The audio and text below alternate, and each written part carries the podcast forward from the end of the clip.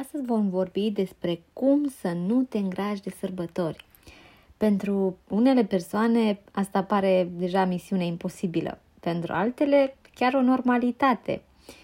Cum poate să fie o normalitate și pentru tine sau cei din familia ta, fără să mai fii în luptă cu diete după sărbători?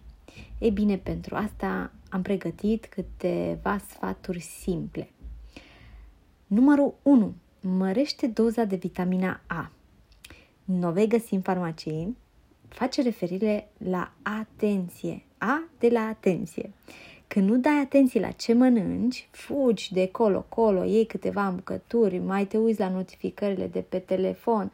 E bine, atunci când atenția îți e la cu totul altceva, capacitatea de absorpție scade între 40 chiar 60% nu diger la maximă capacitate pentru că nu se, se secretă suficient sub gastric, chiar hormonii sațietății au de suferit. Când mănânci, să mănânci fără distrageri. 2. Mănâncă încet.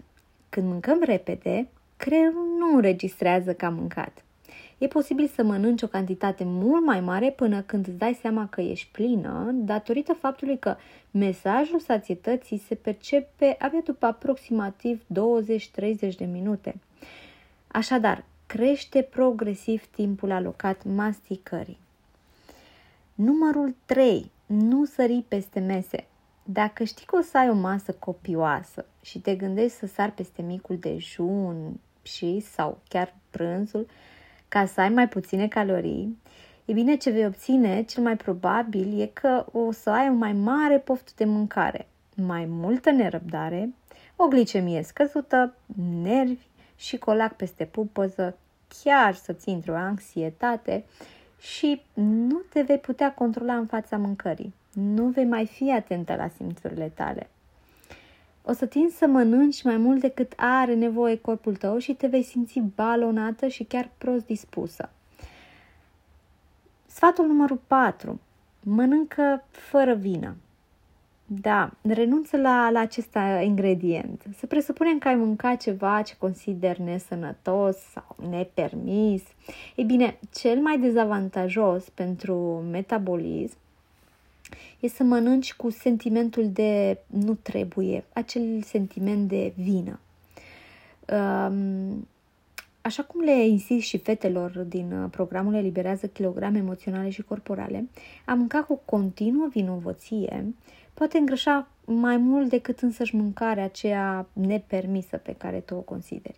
Dacă ai ales să mănânci ceva nepermis sau periculos, Uh, profită să fii prezentă, să te bucuri de fiecare bucățică, mâncând încet și chiar pe fundal să, să ai o muzică care să ți aducă o stare de, de recunoștință, de împlinire, de bucurie.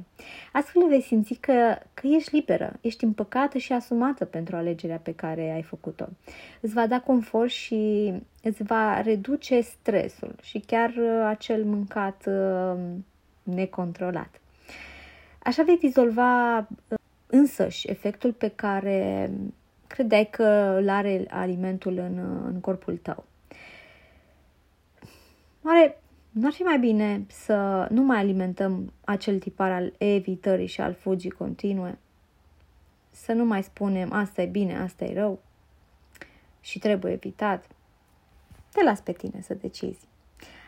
Sfatul numărul 5. Aduc componente nutriționale.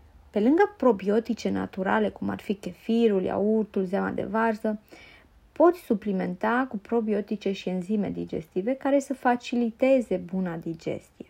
Dacă în plus mâncarea va avea și o calitate nutrițională uh, bogată, proteine, acizi grași esențiali și fibre, atunci vei reduce poftele, anxietatea și vei obține un apetit natural dând corpului antioxidanți, uh, vei ajuta la, la detoxifierea lui.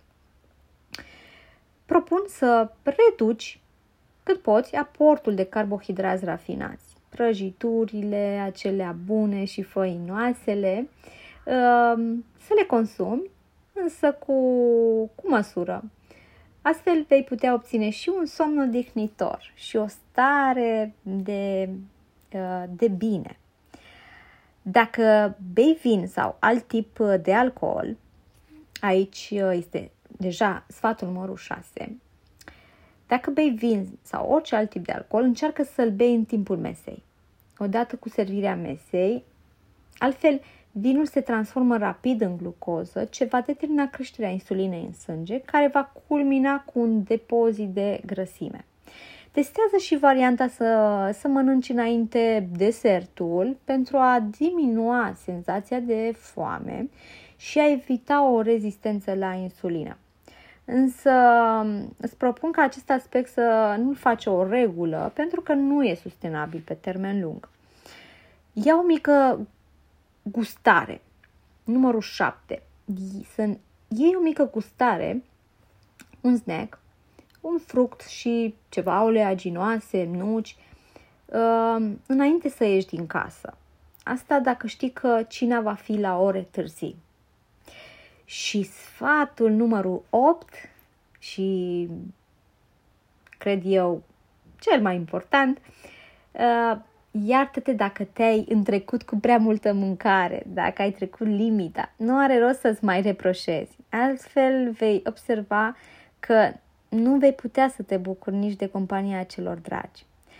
De ce anula magia sărbătorilor? Dacă ți-a fost uh, folositor acest material, împărtășește-l cu prietenele tale, cu toți cei apropiați ție și vă aștept împreună în grupul privat dedicat împuternicirii emoționale și corporale a femeii. Sărbători binecuvântate!